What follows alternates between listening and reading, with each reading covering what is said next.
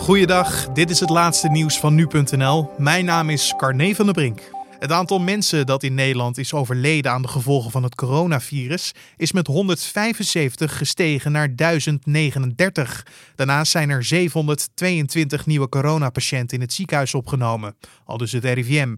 Het RIVM meldt verder dat voor de tweede dag op rij Noord-Brabant over de piek in het aantal ziekenhuisopnames lijkt te zijn. In Zuid-Holland, Noord-Holland, Gelderland en Limburg neemt het aantal opnames nog wel toe. Het aantal patiënten op de Nederlandse intensive cares kwam dinsdagmiddag uit op 1123.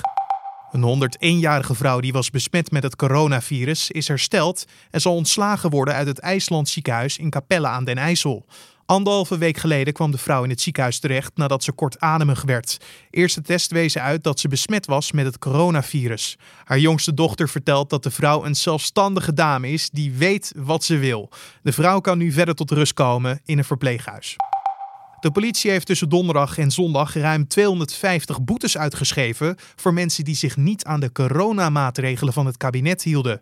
De politie kan sinds donderdag 26 maart op grond van een noodvordering de kabinetsmaatregelen handhaven. Zo kan er een bekeuring worden uitgeschreven aan groepen van drie of meer personen die minder dan anderhalf meter afstand houden tot elkaar. De bekeuringen voor het overtreden van de maatregelen kunnen oplopen tot 400 euro.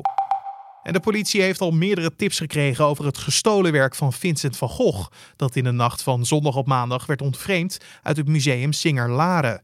Aan het AD laat de politie weten nog geen uitspraken te kunnen doen over de hoeveelheid tips.